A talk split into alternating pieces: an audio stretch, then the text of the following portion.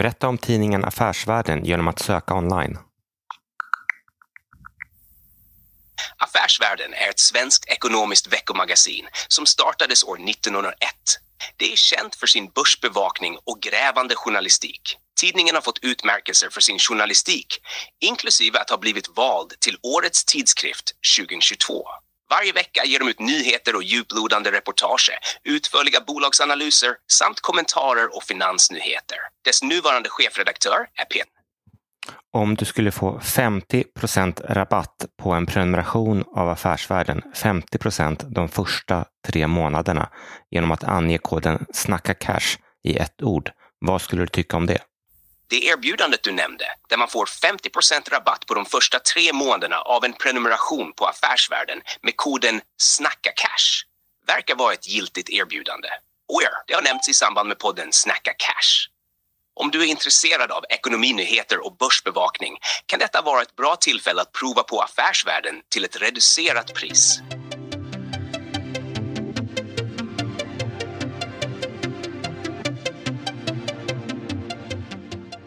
Härom natten, eller härom, härom kvällen så låg jag typ, eh, gick, och la mig ganska sent efter midnatt och eh, bara skulle kolla Twitter. Va, vad ser jag då?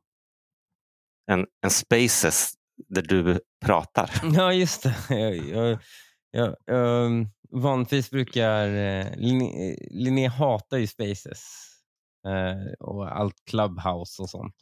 Men Varför liksom- hatar hon det? Därför det upptar ju hela min tid. Jag sitter ju och lyssnar och pratar och då är jag noll interagerbar. Okej. Och Man kan hålla på så ganska länge. Jag tycker ju om det jättemycket. Mm. Men eh, jag hade ju varit en trooper den här veckan. Vi, en av tjejerna har ju eh, brutit foten. Ja, jag såg det. Vad hade hänt? Eh, skridskoolycka i skolan. Ja, jag säger det. Det är farligt med idrott. Ja, jag vet. Men det var ju, de, har, de, de har ju...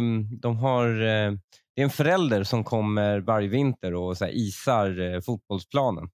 Okej. Och, eh, och barnen älskar ju det. Så det är, Mm. Men samtidigt känns det liksom det känns som en eh, viktig eh, det känns som en viktig insats att bevara vintersporten. Det känns som en Mm. hotad, eh, hotad verksamhet, Mm. vintersporter. Men eh, de hade då, en av dem hade åkt skridsko och sen och hon typ första fem metrarna så ramlar hon och får en spiralfraktur runt hela eh, smalbenet. Oerhört Ah. Ja. Men jag har varit en trooper och liksom eh, hjälpt till så mycket så eh, Linnea lät mig eh, få lite me-time. Och Det är att eh, vara en- med i en Twitter-space mitt i natten. Känn, är, är det som när man själv, då får, när man själv ofta är då, vad heter det, gräsänkling, och så, då, får man, då blir det ofta så här att man får ångest för att man vill välja den perfekta Ja, Netflix-filmen. Har du också, jag vill välja den perfekta Twitter-faden att lägga min tid på. Ja, men saken är att jag, eh, jag är ju faktiskt gräsänkling precis nu. Eh, min fru är på julavslutning med jobbet och jag blir ju så här... Eh, jag satt på Elite. Eh, Elit? Ja, det här eh, rymdspelet. Elite Ja, Dangerous oh Horizons. God. Ja, har du spelat det förut? Nej, eller Okej. gamla Elite tror jag jag har spelat när jag var liten. Eh, lite. Men det där är ju det, där är ju det sämsta när man bara har lite tid för det tar ju typ 17 timmar att läsa in sig. Ja, ja, jag upptäckte det. Ja. Alltså, jag gjorde tutorialen. Jag, Mm. fattar, jag, jag, jag står vilse med en planet vid det första missionen. Liksom. Det, jag fattar inte vad jag ska göra. Ehm, så, och Då orkade jag inte ta stängde av det och så satt jag och scrollade som vanligt. Och, nu är Mm. då, och så är det lite skönt att du hörde av dig och bara, ska vi spela in? Så känner jag att jag får göra något rimligt just nu. Ja, Jag har ganska mycket tid faktiskt i Elite Dangerous på Har den du? tiden. Ja, för det, var, det gjordes, eller görs av Frontier Development eh, innan de blev trendiga och nu är de otrendiga igen. Men eh, eh, det kallas ju skämtsamt eh, Euro Truck Simulator in Space. För, eh, det är det en finns, simulator, det är det ju. ja, ja, och det finns, man kan, det finns man kan åka från ett ställe i galaxen till ett annat ställe och det, det tar två veckor i verkligheten. Nej, men För att jag, du kan- jag, jag du kan bara göra- i mm. galaxkartan Ja, den är stor. och sen bara valde någon punkt och zoomar in och det är bara oändligt antal stjärnor. Mm. How the fuck har de gjort det här? Har de typ laddat ner data från NASA och sen bara låtit datorn plotta ut det och, och Mm. generera stjärnor? Eller? Nej, det är ganska kul backstory faktiskt. För första Elite-simulatorn, jag tror att den kom någon gång på 80-talet av Mm. David Braben. Och då, för att man skulle då kunna få plats med mycket data på en, eh, jag, tror, jag tror inte ens att det var 1,44 diskar då, utan att det var de här De här floppy. Fem, man, fem tumsdiskarna eller? Eh, ja, precis. Så var man tvungen att då göra procedurellt. Mm. Och, eh, och och det där universumet även idag är procedurellt. De gillar att säga att det är procedurellt från first principle. Eh, så att, nej men det eh, Men det kan väl inte vara helt procedurellt med tanke på att du kan spela online? Eh, Ja, men, Jag kanske texturerna och, och så. nej, men, men, eh, nog själva liksom positionerna av eh, Mm. planeterna och så vidare. Och sen så kan man ju liksom åka in på planeter. Jag vet att det var ju en update som kom flera år in i spelet, att du faktiskt kunde landa på en ja, planet. för det, jag verkar inte kunna göra det. Eh, eller jag kanske bara inte vet hur man gör det. Ehm, Nej, men alltså, sen, sen när du har liksom lagt 40 timmar på att bara lära dig åka med typ ett, en råvara från en planet till en annan, då har du liksom hela, hela stridsdelen i spelet. är också Ah. där. och Det verkade vara skitsvårt och jag märkte gud, jag är dålig på det här. Att Mm. hålla reda på ett fiendeskepp i 3D-rymd. Liksom. Ja. Nej, jag, jag gav mig aldrig ens in på striden. Jag åkte bara runt och transporterade och explorade. ja. Men s- jag tänkte vi gör ett litet nyhetssvep. Eh, Vi måste ju prata inflation aktier. då. Ja, kommer inflationssiffror idag. Ja. Om jag har uppfattat det här rätt så eh, det ser bra ut. Det är ganska låg inflation. Eh, och, men jag läste någonting på Expressen när de sammanfattade det och jag fattar inte om jag förstod det rätt. Men de beskrev det som att eh, inflationen låg på 5, någonting och 2,8 av det var själva räntan. ja, förmodligen. Det finns ju en Är det Boende. KPI?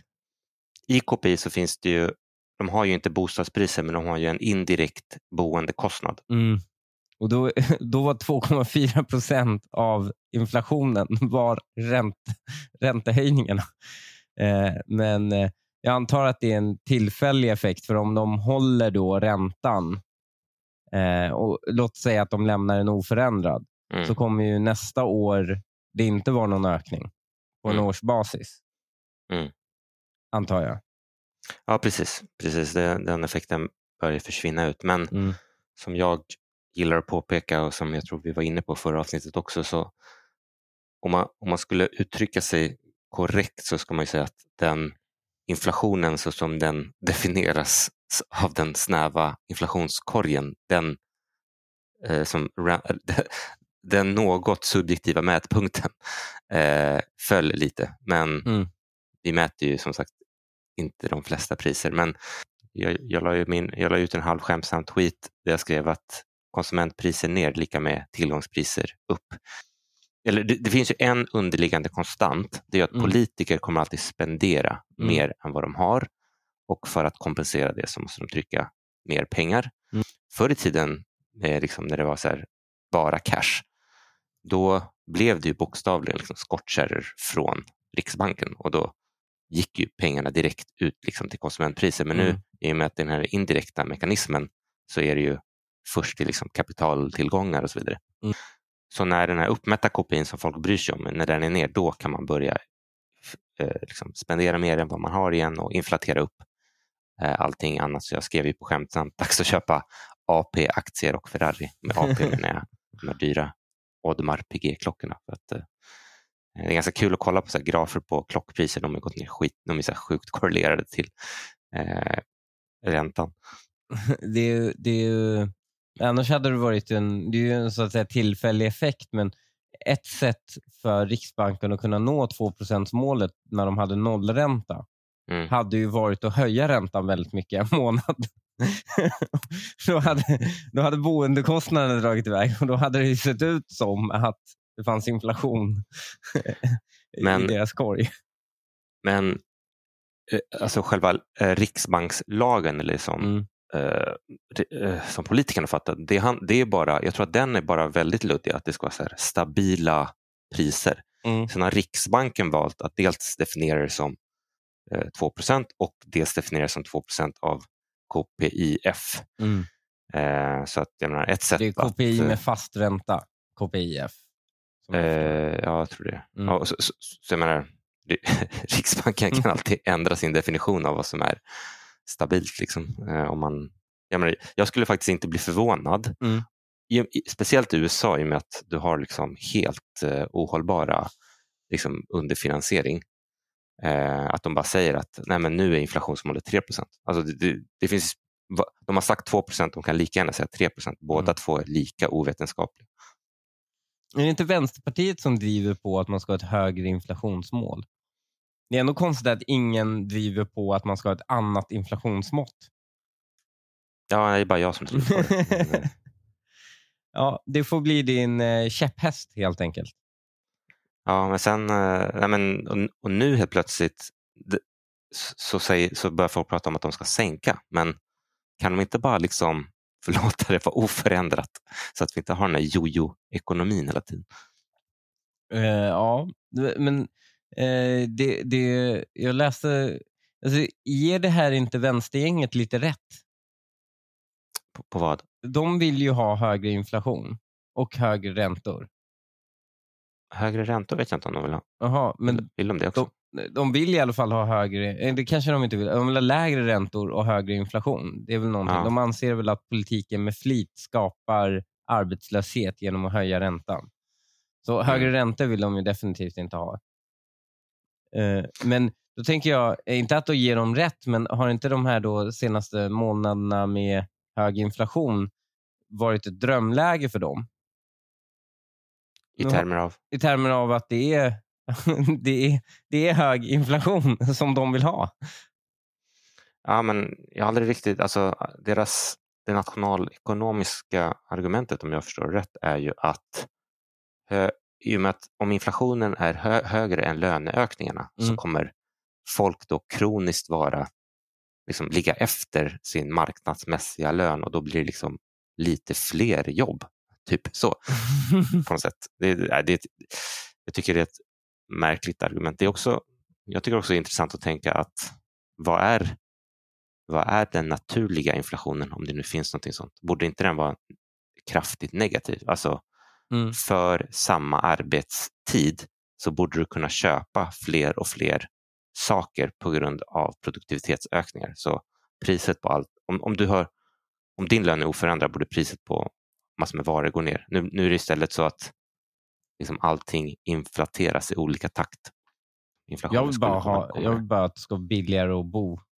Ja, men det håller jag med om att alla vill. Pro- pro- Problemet blir bara att eh, det liksom leder till överbelåning sen om Ja. det liksom ska dyrare och dyrare.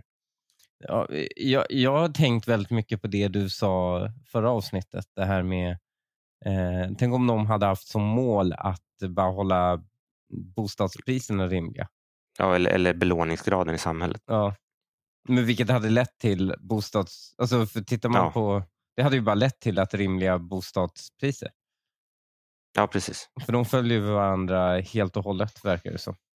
Det skeva argumentet som var förut i varje fall, det var att för att unga ska ha råd att bo så måste vi sänka räntan, Va? vilket, eller göra det enklare att låna och så vidare. Ja. Vilket blir liksom en sorts cirkelargument i slutändan. Det är något, något sorts pyramidspel. Liksom. Men när jag tänker på, liksom, jag tänker, jag tror året var 98 då Mm. mina föräldrar köpte um, ett hus i Upplands Väsby för Mm. 1,8 miljoner kronor. Det var ett stort hus, typ 250 kvadrat, ett betong, 70-talsbygge i betong, mexitegel. Riktigt jävla ordentligt hus. Den låg ju efter i renoveringar förvisso, typ alltså att eh, det var fortfarande direktuppvärmd el som eh, eh, många övergick till på 80-talet och så. Det var ju, de, det, var ju det miljömedvetna att göra. Politikerna gav så här eh, uppmaningar till folk att inte skaffa villaolja och sånt utan att eh, ehm, skaffa direktuppvärmd el. Och Sverige hade ju Mm. byggt massa nya kärnkraftverk så det fanns gott om el liksom, och det var billigt. Ehm, men då, eh, om, man, om man bara tänker så här, mina föräldrar då, min mamma jobbade på spärren i pendeltåget och min pappa i nattluckan um, varannan vecka jobbade i nattluckan på OKQ8. Mm. Och i och med att han fick dubbel OB då så, så blev det som en lön. Liksom. Och det lyckades de köpa en jävla 250 kvadrats villa för i Väsby. Uh, vad fan hände med det? Det, det idag är det ju, hade det varit omöjligt på något sätt att få tag på ett hus eh, med, den, med de arbetsuppgifterna. Jag vet inte, det, väl, det har väl också, jag vet inte om det har varit som befolkningsök, fler personer per eftertraktat boendeobjekt. Liksom. Mm. Men jag håller med om att det, Men det är de sa, att- ju, de, Mm. de sa ju att vi måste ha en befolkningsökning för att klara av tillväxten och vår levnadsstandarden. Då är det ju då är det märkligt att vår levnadsstandard blir sämre av befolkningstillväxten. Ja, det, ja, det är så jävla svårt det där med att mäta levnadsstandard och det är väl typ det problemet som, som KPI också har vid teknik. Liksom att så här, ja, men, hur ska man, är en iPhone billigare eller dyrare eh, än, än vad den var för tio år sedan? Mm. Det känns dyrare. Ja, precis, men om, om ska, ska du kompensera för teknikutvecklingen Ja. eller inte i, Ja. i beräkningen? Jag ko- kommer ihåg att vi pratade om att de hade ju en modell där ju fler HDMI-portar du hade på en TV, desto, me, desto, desto mer teknikökning ansågs den, alltså, alltså om du, alltså, ans- ansågs den gå ner i pris även om den nominellt hade gått upp eller var oförändrad. Det, det, det, det är därför jag menar att så här, KPI är ju så mycket flås Mm. så att eh, ett, ett renare mått vore till exempel vi tycker inte att folk ska ha högre belåning än typ medianlön gånger x och, om, Mm. och då liksom ska vi vara försiktiga med att sänka räntan om vi är vid den gränsen till exempel. Mm. Mm. Men har du, har, följer du Jens Nylander på Twitter? Ja, jag delade precis. Han eh, gav en liten sneak peek på sin... eh, Ja, väldigt, vi Eh. hade ju honom som, ni som inte har lyssnat på den intervjun i något av våra tidigare avsnitt eh, kan jag varmt rekommendera. Mm. Han har ett nytt spännande projekt där han har begärt ut alla kommuners fakturer och byggt en AI-databas som han kommer lansera öppet så att man kommer liksom kunna gå in och se. Eh, han hade ett exempel här på, jag vet, jag vet inte om det var för ett år eller hur många år, men eh, samlade utgifter för organisationskonsulter var 7,3 miljarder. Eh, han- det kanske behövs, men låter Ja. mycket. Men han, eh, han hade också, jag såg kommentarerna och sa han att man kan ladda ner all data direkt till eh, valfri databas också. Databasmotor. Så Det betyder att eh, alla kan dra en kopia och sen göra olika körningar på den om man så vill. Själv. Ja, det kommer vara, kommer väldigt kul att och leka runt i den där och se Mm. vad man hittar för skoj. Men också episkt att kunna prata med en prompt och bara, hur mycket la man på det här?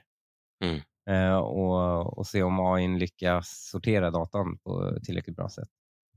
En annan sak att följa upp är ju Bellpal. Ja! De har ju, surprise surprise, inte fått betalt den 30 november. Så som eh, de sa att de skulle få göra. Aktien har varit handelsstoppad här i typ eh, mer än, i varje fall en vecka. Bellpal inväntar nytt datum för slutförande av försäljning av dotterbolag. Det som är extra märkligt nu är att de har sagt att de ska få 19,5 miljarder, äh, miljoner dollar. Mm. Sen tror jag för att en del av det där, men säg att, vi, säg att vi rundar ner till 15 miljoner dollar, så 150 miljoner kronor Mm. för sitt dotterbolag. Men Bellpal, det börsnoterade Bellpals börsvärde är 34 miljoner. Det skulle vara billigare att bara köpa ut bolaget för börsen även om man gjorde det till 100 procents premie. Så det är ytterst märkligt, men eh, oklart vem som eh, låser vem där. Ja, verkligen. Men eh, det, det, alltså, finns, är inte det här olagligt? Eh, Borde Alltså, inte Finansinspektionen, har inte de, de, de liksom De verkar ju ha all tid i världen med tanke på att de är den mest nitiska sanktionsutdelaren i EU. Det var ju faktiskt en eh, tweet som Finansinspektionen skrev idag som vi kan prata lite om, men som handlade om hur män och kvinnor sparar på börsen. Och då var det någon som skrev i kommentarerna, in, inte jag, så skrev han, kollar ni till Bellpal när ni ändå är igång? De sitter och gör genusanalyser över aktiesparande men inte kollar bolag som uppenbart scam. Men jag vill faktiskt prata lite om den tweeten. Eh, de skrev, jag skickade den till dig. De skrev så här. Eh, Redan vid tre års ålder börjar vuxna spara mer ofta i aktier till pojkar än till flickor. Dessa skillnader växer sedan över tid och bidrar till en ojämställd aktiemarknad. Det visar en analys som vi hade gjort. Sen gick jag in och kollade i själva analysen och då vid tre års ålder så var skillnaden den var att det var 52 procent pojkar. Och de hävdar att de har korrigerat det för födelsetal. Ändå väldigt liten Mm. eh, skillnad. Och Det är väl ja. margin of error. eh, alltså dels tänkte jag väl att jag sparar till mina barn som är Mm. flickor, men jag, sparar jag har inte öppnat konto i deras namn. Eh, jag kör i eget namn eftersom det är juridiskt sett är det lite risky att köra i barnens namn för att eh, skulle till exempel jag avlida eller man på något sätt eh, så, så liksom kommer man inte åt de pengarna förrän barnen är 18. Mm. Så jag skulle, ni som har barnspar är väl smartast att inte göra det i barnens namn. Så där kan det finnas en viss Ja, bias hur, redan där. vadå? Så du menar om du dör Mm. och du har sparat i barnens namn så får de inte tag på pengarna förrän de är 18? För det är dedikerat till dem då. Medan om den är i ditt namn så kan din fru då förvalta dem. Exakt, alltså om, jag bara, om jag bara öppnar ett konto på Avanza som jag, Mm. kall, som jag döper till mina barn, men det är fortfarande under mitt personnummer. Mm. Då, liksom, om man är gift då, då, eller även om du har liksom, eh, någon typ av avtal så kan ju frun förvalta dem. Men det är eh, intressanta med den här Finansinspektionens rapport. De visar Mm. att tjejer hade högre avkastning på sina placeringar än vad killar hade. Alltså folk hade Ja. högre plac- avkastning på sina döttrars konto än vad de hade på ki- killarnas. Och så gick jag och kollade, kollade det var 0,13 procent högre Mm. avkastning på tjejernas konto. Och sen tror jag också att man, de gör ganska mycket adjustments. Grejen är att jag, är, jag, nej, jag vill inte att det ska låta som att jag inte är för att tjejer ska vara intresserade av börsen. Det är skitkul och jag försöker lära mina dö- döttrar om entreprenörskap och investeringar. Men eh, jag tror att det folk stör sig på när man, kommer, när man, kom, när man säger något så här, ah, börsen är ojämställd, Mm. det är att anledningen att det är, den är det, det, det vi, vi, vi alla vet varför. Det är, det det vet den här hissolyckan som hände, Mm. bygghissolyckan. Om jag skulle fråga dig, kan du gissa könsfördelningen? Jag, vet inte könsfördelningen, Ja. men alla vet, alla kan gissa. Och det är exakt samma underliggande variabel som driver vissa andra grejer också, bland annat risktagande, då, börsen. Vet du, eh, ja, Ubers, jag vet inte om jag pratar om det här, Ubers app, den Mm. tilldelar ju uppdrag helt automatiskt. Det är en liksom, det är bara den som är närmast får uppdraget. Mm. Eh, och eh, när Uber då gjorde, inte, de gjorde väl någon CSR-rapport eller något sånt för eh, visade sig att männen tjänade mycket mer än kvinnorna via appen. Mm. Alltså förarna. Och Då försökte de ta reda på varför. Och så visade det sig att eh, den skillnaden som fanns, den förklarades helt med att bara männen körde snabbare. Mm. De, de liksom körde snabbare, var Mm. mer aggressiva körare, alltså förare. Och det var det som, och därför blev de färdiga med uppdragen tidigare och därför fick fler uppdrag. Bara. Men, men inte för att låta woke också, men Mm. som då pappa till två döttrar så kan jag också tycka att det finns en konstig bias till att den manliga karaktärsdraget är det som är, det som är önskvärt. Att det är önskvärt att fler, att man ska vara på börsen till exempel. Alltså, Mm. det, är ju, det, det råkar ju bara vara så eftersom den råkar ha gått bra. Alltså förstår du? Mm. Eh, jag tycker inte att det är per definition så här, att, det är, att det är det bästa. Och sen den, sen den andra grejen som jag alltid stör mig på det är att alla fördelningar har ju två svansar. Det är det som folk glömmer. Ja. Så att liksom, i andra svansen så är det också så här, ja, men om du vill ha fler du, om, du vill ha, säg att, om du vill ha fler kvinnliga risktagare så måste du också ha fler kvinnor som går i personlig konkurs. Ja. De två sakerna hänger ihop så att du skulle lika gärna kunna säga jag vill, ska, jag vill, jag vill, jag vill ha en kampanj som gör att fler kvinnor vågar ta så mycket risk så att de går i personlig konkurs. För då kommer du också få den andra utfallet på, på uppsidan också. Mm. Du kan, inte- du kan, tyvärr kan du inte ha det ena eller det andra. Och jag vet inte, det är väl jag själv är en sån person som är som extremt ute på den ena Mm. riskskalan och vet hur nära det hela tiden är att man hamnar i den andra svansen. Det, Ja, eh, Jag tror när det kommer till risk är jag mer eh, kvinnlig på det sättet. Jag är, Ja, nej, precis. Alltså, det är bara fördelningar. ja, liksom. det är bara fördelningar. Mm. Eh, Men det är, ja, apropå det har jag märkt att det är ett oerhört bra sätt att mäta IQ på någon. Mhm, vad är det? Det är att bara eh, försöka liksom, beskriva ett generellt fenomen som Mm. är fördelat. Ja, Och sen se om den här personen reagerar med att säga, men den där då? Med en anekdot på någon del av svansen. mm, Förstår du? Mm. Alltså man gör ett generaliserat påstående om en, ett fenomen, om en grupp. Eh, har du något exempel? Eh, men vi kan ta det här som exempel att eh, man kan säga eh, men kvinnor tar inte lika mycket risk. Men eh, och sen så om den personen kontrar med, med så här, eh, nej men jag känner den här tjejen som tar jättemycket risk. Mm. Då vet man att det är en svagbegåvad person. För den klarar inte av att hantera ett gen- generaliserat påstående. Den förstår inte att det finns en naturlig variation i allt. Är, är inte, har inte du precis beskrivit den hela politiska debatten?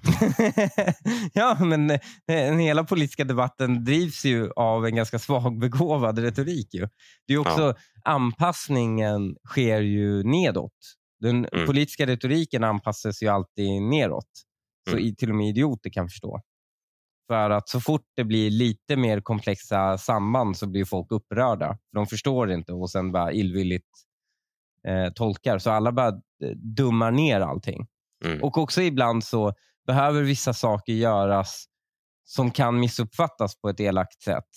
Mm. Och då gör man inte dem, för man vill inte riskera att missuppfattas. Det går väl typ inte att delta i den politiska debatten. Säger du till en person vars enda uppgift är att delta i den politiska debatten. Känner du någonsin att det, att det blir någon skillnad eller är det bara liksom att de övertygade blir mer övertygade? Nej, men vet du vad?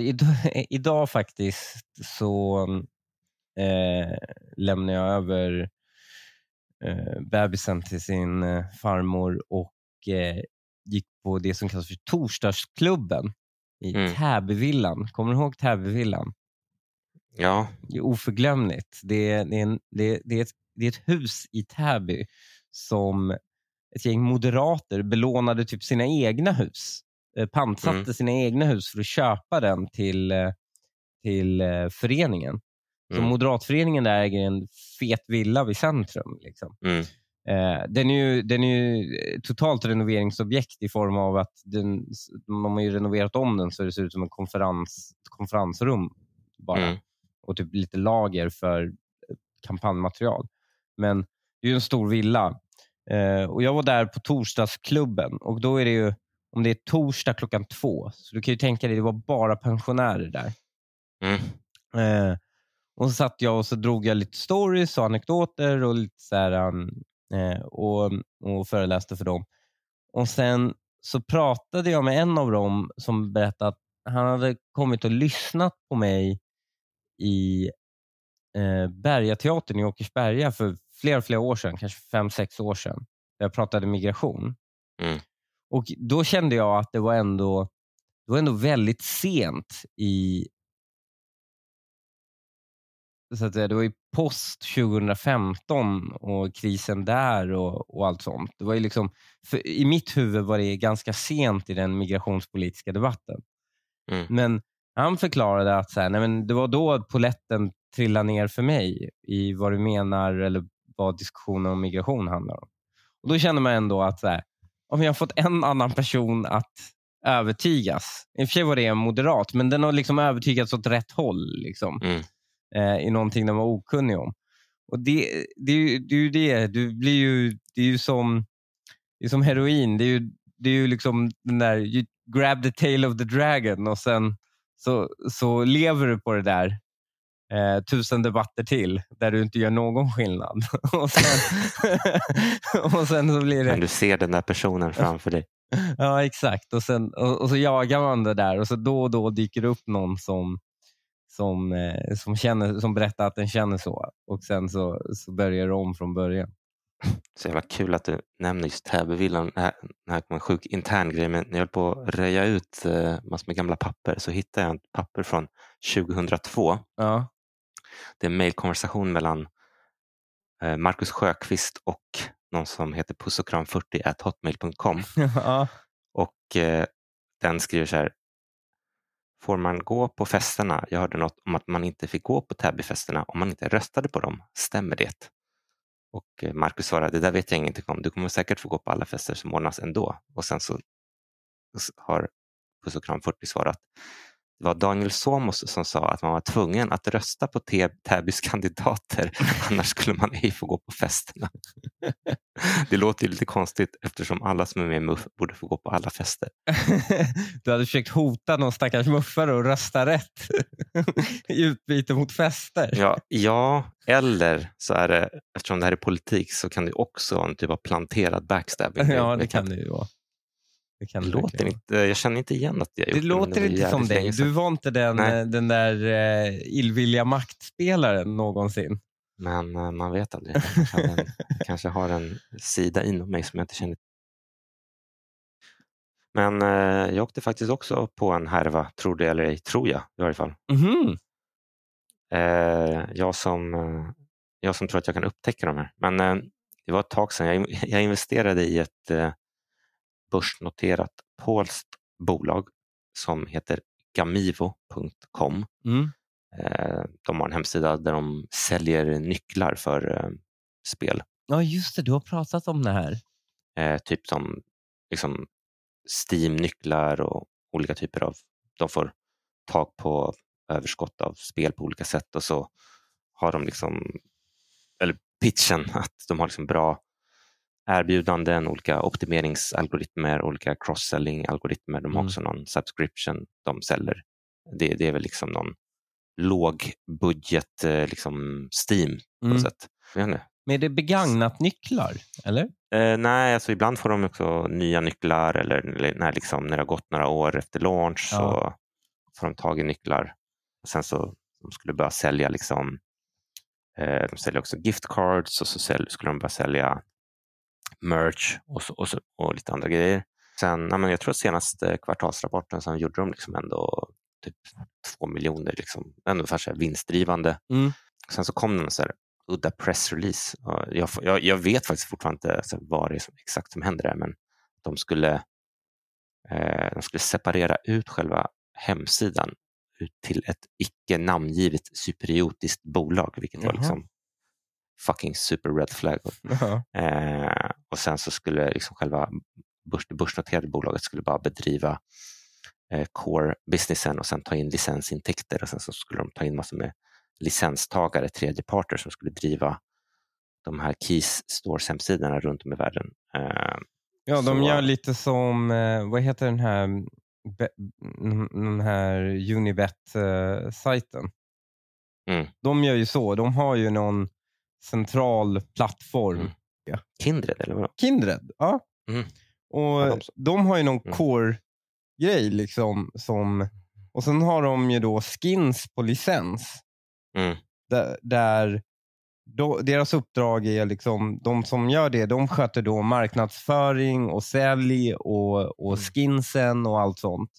Ehm, och så kan det heta liksom Maria Bingo eller vad det nu är- är. Mm. Det är Kindreds backend egentligen. Mm.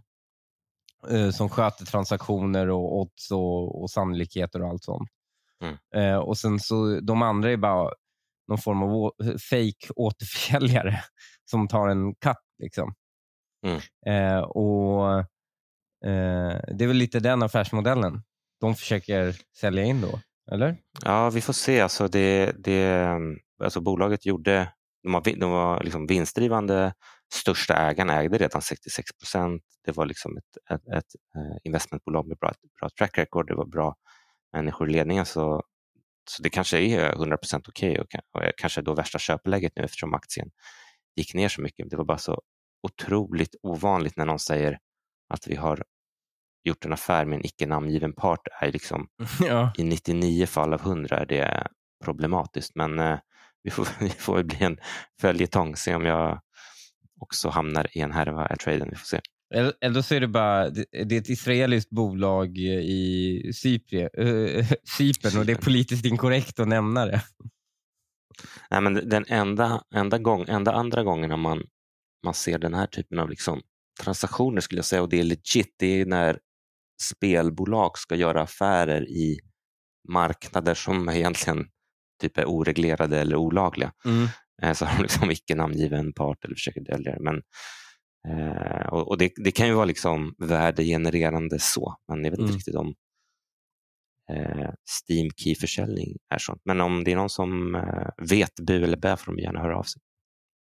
Ja, men då, då har du ju ändå, du så att säga, du får ju vänta till kvartalsrapporten. Nu får du hodl. Ja, men precis, men då, nu hamnar jag i det här uh, Bellpal aktieägarläget. Att, så här, istället för att bara slänga sig på säljknappen så har jag en litet ho- hopp om att det ska bli bra.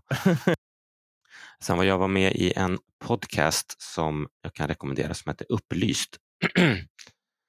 Där jag eh, pratade om min teori om postsimulationssamhället. Ja, berätta. Nej, men jag, min tes var att eh, dels om man går tillbaks i tiden så fanns det en period där man sa så här, ah, om någon frågade en hur träffades eh, ni, eller liksom du Mm. och din partner, och så sa man när vi träffades online, då var det så lite halvskumt, Ja, det var exotiskt. Det var lite så, exotiskt. wow. Nu är det ju, alltså nu är det ju inte, eller nu är det ju nästan så att det är tvärtom, alltså man säger vi träffades på krogen, att det är så, what Du är helt sjukt. Pratar du med främmande människor på krogen för? Ja, men så här, vad är det för människor som ses på krogen? Eller i varje fall så är det så att man säger, eller att liksom, det frågar man väl inte ens. Alltså det är så här, vi träffades Mm. och sen om det var online eller offline, det är mindre intressant. Och en tes jag hade var väl att det här med så här, är du en gamer Mm. kommer också vara ett liksom icke-begrepp i framtiden för att det är liksom alla, spe- speciellt om jag kollar på mina barn och speciellt om jag kollar på liksom alla appar blir ju allt mer gamifierade. Mm. Och jag menar ju på att liksom TikTok och Tinder är ju helt gamifierade appar. Mm. Och att det kommer förmodligen ske, och vad jag menade med postsimulation, det var att det kommer vara, idag vet vi, liksom GTA 5 är en simulation och liksom, fan vet jag, att köra bil är inte en sim- eller är verkligheten. Mm. Men att liksom de gränserna kommer att vara allt mer diffusa när till exempel skulle jag kunna tänka mig att i Tinder så har du en tjänst där du kan gå på en virtuell AI-date med den andra personen som har läst in sig själv i ett AI. Liksom. Att det blir så här, Ja, den mer. filtrerar åt dig. Gud vad smart. Nej, inte bara filtrera åt dig, men så här, säg att eh, Nej, men du går på en dejt med dens AI och sen om det Ja, blir exakt. bra så vet du ju att Ja, precis. Ni, du, du, går på, du går på en virtuell middags liksom, och har ett samtal i en timme med Mm. den personen. Eller den personens AI. Och sen så, Kan man, kommer man kunna bli fälld för sexuella trakasserier mot någons AI? alltså, det där är en intressant fråga generellt om eh, Jag menar, visst- gränsen av vad simulation är och Ja. verkliga ut, suddas ut så eh, borde rimligtvis eh, kränktheten att någon har behandlat din AI dåligt ja, men vet, folk, folk, folk brukar idag åka dit på liksom, eh, så här, du sökte på vart köper jag tändvätska liksom, Mm, innan du mm. Men det där kommer ju nog bli en, jag vet inte om, jag antar att det sparas på samma sätt. Så här, ja, men du hade en två timmars konversation med den här AI om hur man på bästa sätt liksom dränker en människa Mm. och får det att försvinna. det är Så jag också, tror att vi kommer- det, det, jag och min fru träffades ju på eh, Tinder. Mm. Eh, och ehm, det, Jag såg en graf från USA om andelen som träffas online. Mhm. Den kurvan är helt bizarr. Ehm, På- det gick liksom från 0 till 80 procent på bara några år. Liksom. Mm. Eh, och alla andra grupper typ sågs på jobbet, sågs på eh, ute eller via kyrkan. Det var en amerikansk studie så självklart var Mm. kyrkan med. Eh, och, och så här, de, de, de, de var nere på noll allihopa. Mm. Eh, och allt verkar vara eh, online nu för tiden. Så det är Nej, men det, bra för i- Match.com. Ja, Nej, men jag, och liksom eh, det, det, som är, det som är intressant att tänka, det, är om man tänker så här, Tinder är eh, en gamifierad upplevelse eller någon sorts RPG liksom, där man Mm. då och då eh, träffas och fortsätter liksom rollspelet och har liksom samlag typ, som en del av det rollspelet. Mm. Och då är det så här, GTA 6 ska ju komma eh, 2025. Men man kan ju fantisera om vad kommer GTA 7 vara Mm. och vilken hårdvara kommer den att vara på i den här liksom, och, och då, då, då kommer den förmodligen komma om tio år. Då. Vad är liksom ett GTA i den världen? Alltså det skulle kunna vara typ att så här, fullt realistisk simulation av din omvärld och du kan i spelet typ gå ner och råna ICA-butiken och det är den faktiska personalens AI som är där och sen så när du är där och handlar så kan ni garva åt att ni precis rånade varandra. Alltså att det blir Mm. total liksom, konstiga utsuddningar av verklighet och spel. Eh, det blir ju lite den här, var det inte var det inte den här filmen som släpptes, vad heter den? Play number one? Heter Mm. den så? Mm, den som bygger på den där jäkla skitboken, vad heter. Eh, Snow Crash. Ja, det är ju basically Epic Games affärsplan de kommande 50 åren väl. De vill väl eh, eh, den här meta, att man ska Ja, Metaverse ex- kommer från den existera i boken. metaverse som är ultrarealistisk. Liksom. Eh, Ja, och, det, är en, det, det, det som jag tror folk fick fel med Metaverse eh, under den senaste hypen, det var att man trodde, man tänkte ju att man, det absolut sämsta med verkligheten som är liksom eh, eh, fysisk space, mm. att, att det skulle vara viktigt. Att, att ha en viss plätt eller att, att, att röra sig i spacet, att, att det skulle vara en viktig del av metaverse. Alltså folk sålde ju liksom adresser i en viss värld. Eh, men det är ju liksom absolut så. det, fanns ju den här Second Life. Kommer det finns den? fortfarande. Ja. Det finns fortfarande. Det är faktiskt en av de, eh, det, det, det spelet rullar fortfarande. Gör det? Det var ju Ja. skithypat ett tag. Sverige hade öppnat en ambassad där och betalat flera Nej, det sjuka är att de, de, de har liksom, de har en så här, i just det spelet så funkar det ungefär, de har liksom en ekonomi, men de har inga så sjuka NFT-priser utan då kanske en hatt kostar liksom en dollar. Så. Mm. Eh, men mycket i så metaverse var liksom, men typ jag vet att så här Snoop Dogg köpte någon adress i något dyrt metaverse för att bygga ett hus där, men det är så här, varför skulle du vilja ha en koordinat? Var, varför skulle du inte vilja ha en, en webblänk där du klickar? Alltså om det är en bra upplevelse, Ja, då vill du väl inte traversera dit? Men eh, det, det, jag är inte redo att eh, helt sälja, ut- säga att det är helt kört för VR. Däremot kommer det inte vara i den här, jävla kassa liksom, Facebook-världen som, som Mark Zuckerberg försökte sälja in. Ehm, men eh, Alltså med, jag känner med VR känner jag så här att det är, alltså tvn, mm, det är i varje fall ett lokalt maximum på upplevelse. upplevelse. mm, Och det är lite som att så här, folk försöker släppa nya bättre versioner av Coca-Cola, men Mm. den var redan optimerad för massor med år sedan. Mm. TVn är redan ett optimerat medium som vi gillar att konsumera på och alla de här nya grejerna är en så här intressant nischgrej, men man tenderar att liksom, du smakar Cuba Cola, men du går tillbaka till Coca-Cola. Ja. ja, det finns det ju. Men jag känner ändå att tekniken på just VR går ändå framåt jämfört med typ 3D-tekniken. Den fick ju en hype tidigt 2010-tal och sen, och sen dog ut och sen så är det ingen som rör det längre. Eh, med 3D-glasögon mot, Mm. mot, en, mot en skärm. Liksom. Mm. Eh, och den började ju bli ganska bra. Alltså jag kommer ihåg när jag köpte, eh, apropå Bethesda, när, när Skyrim kom ut. Så köpte jag en aktiv skärm där du kunde ha 3D-glasögon. Mm. Och jag spelade hela Skyrim i 3D då med 3D-glasögon. Och eh, det var ju match made in heaven egentligen. Skitmysigt var det. Ehm, men eh, det var ju uppenbart att det tog ett fart. De lyckades inte enas om eh, någon form av standard för tekniken. Ehm, skärmar funkade inte med vissa grafikkort och vice versa. Det var massor av sådana här problem. Men jag kände ändå, ändå att VR-tekniken investeras det fortfarande i eh, och eh, tekniken går framåt.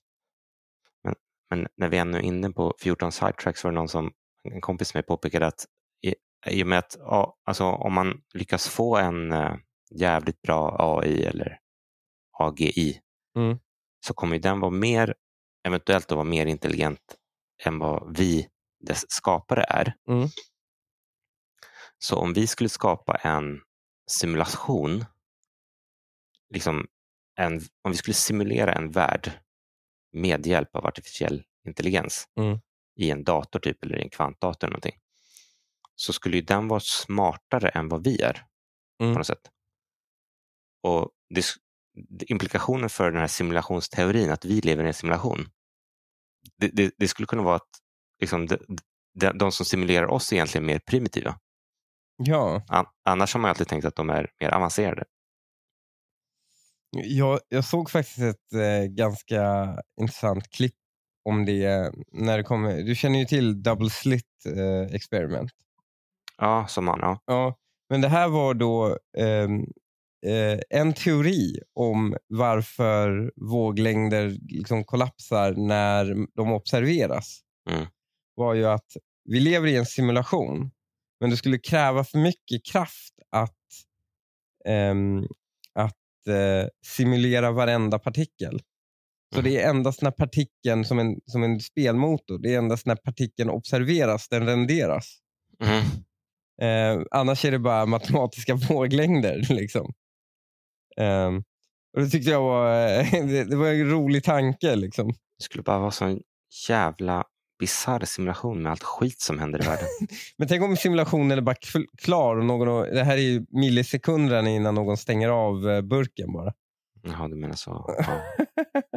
Ja. Jag, brukar, jag brukar i och för sig tänka att om, om du lever på liksom svältgränsen i, och jobbar i någon sån här batterigruva i Kongo, så Mm. tror inte, då går det inte att fundera på om det är en simulation eller inte.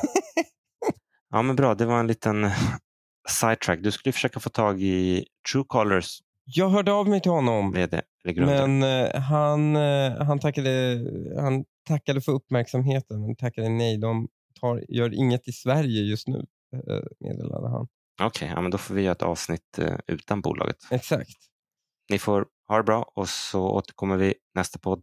Kanske snacka Truecaller. Ja, kul. Ha det bra. Ha det bra.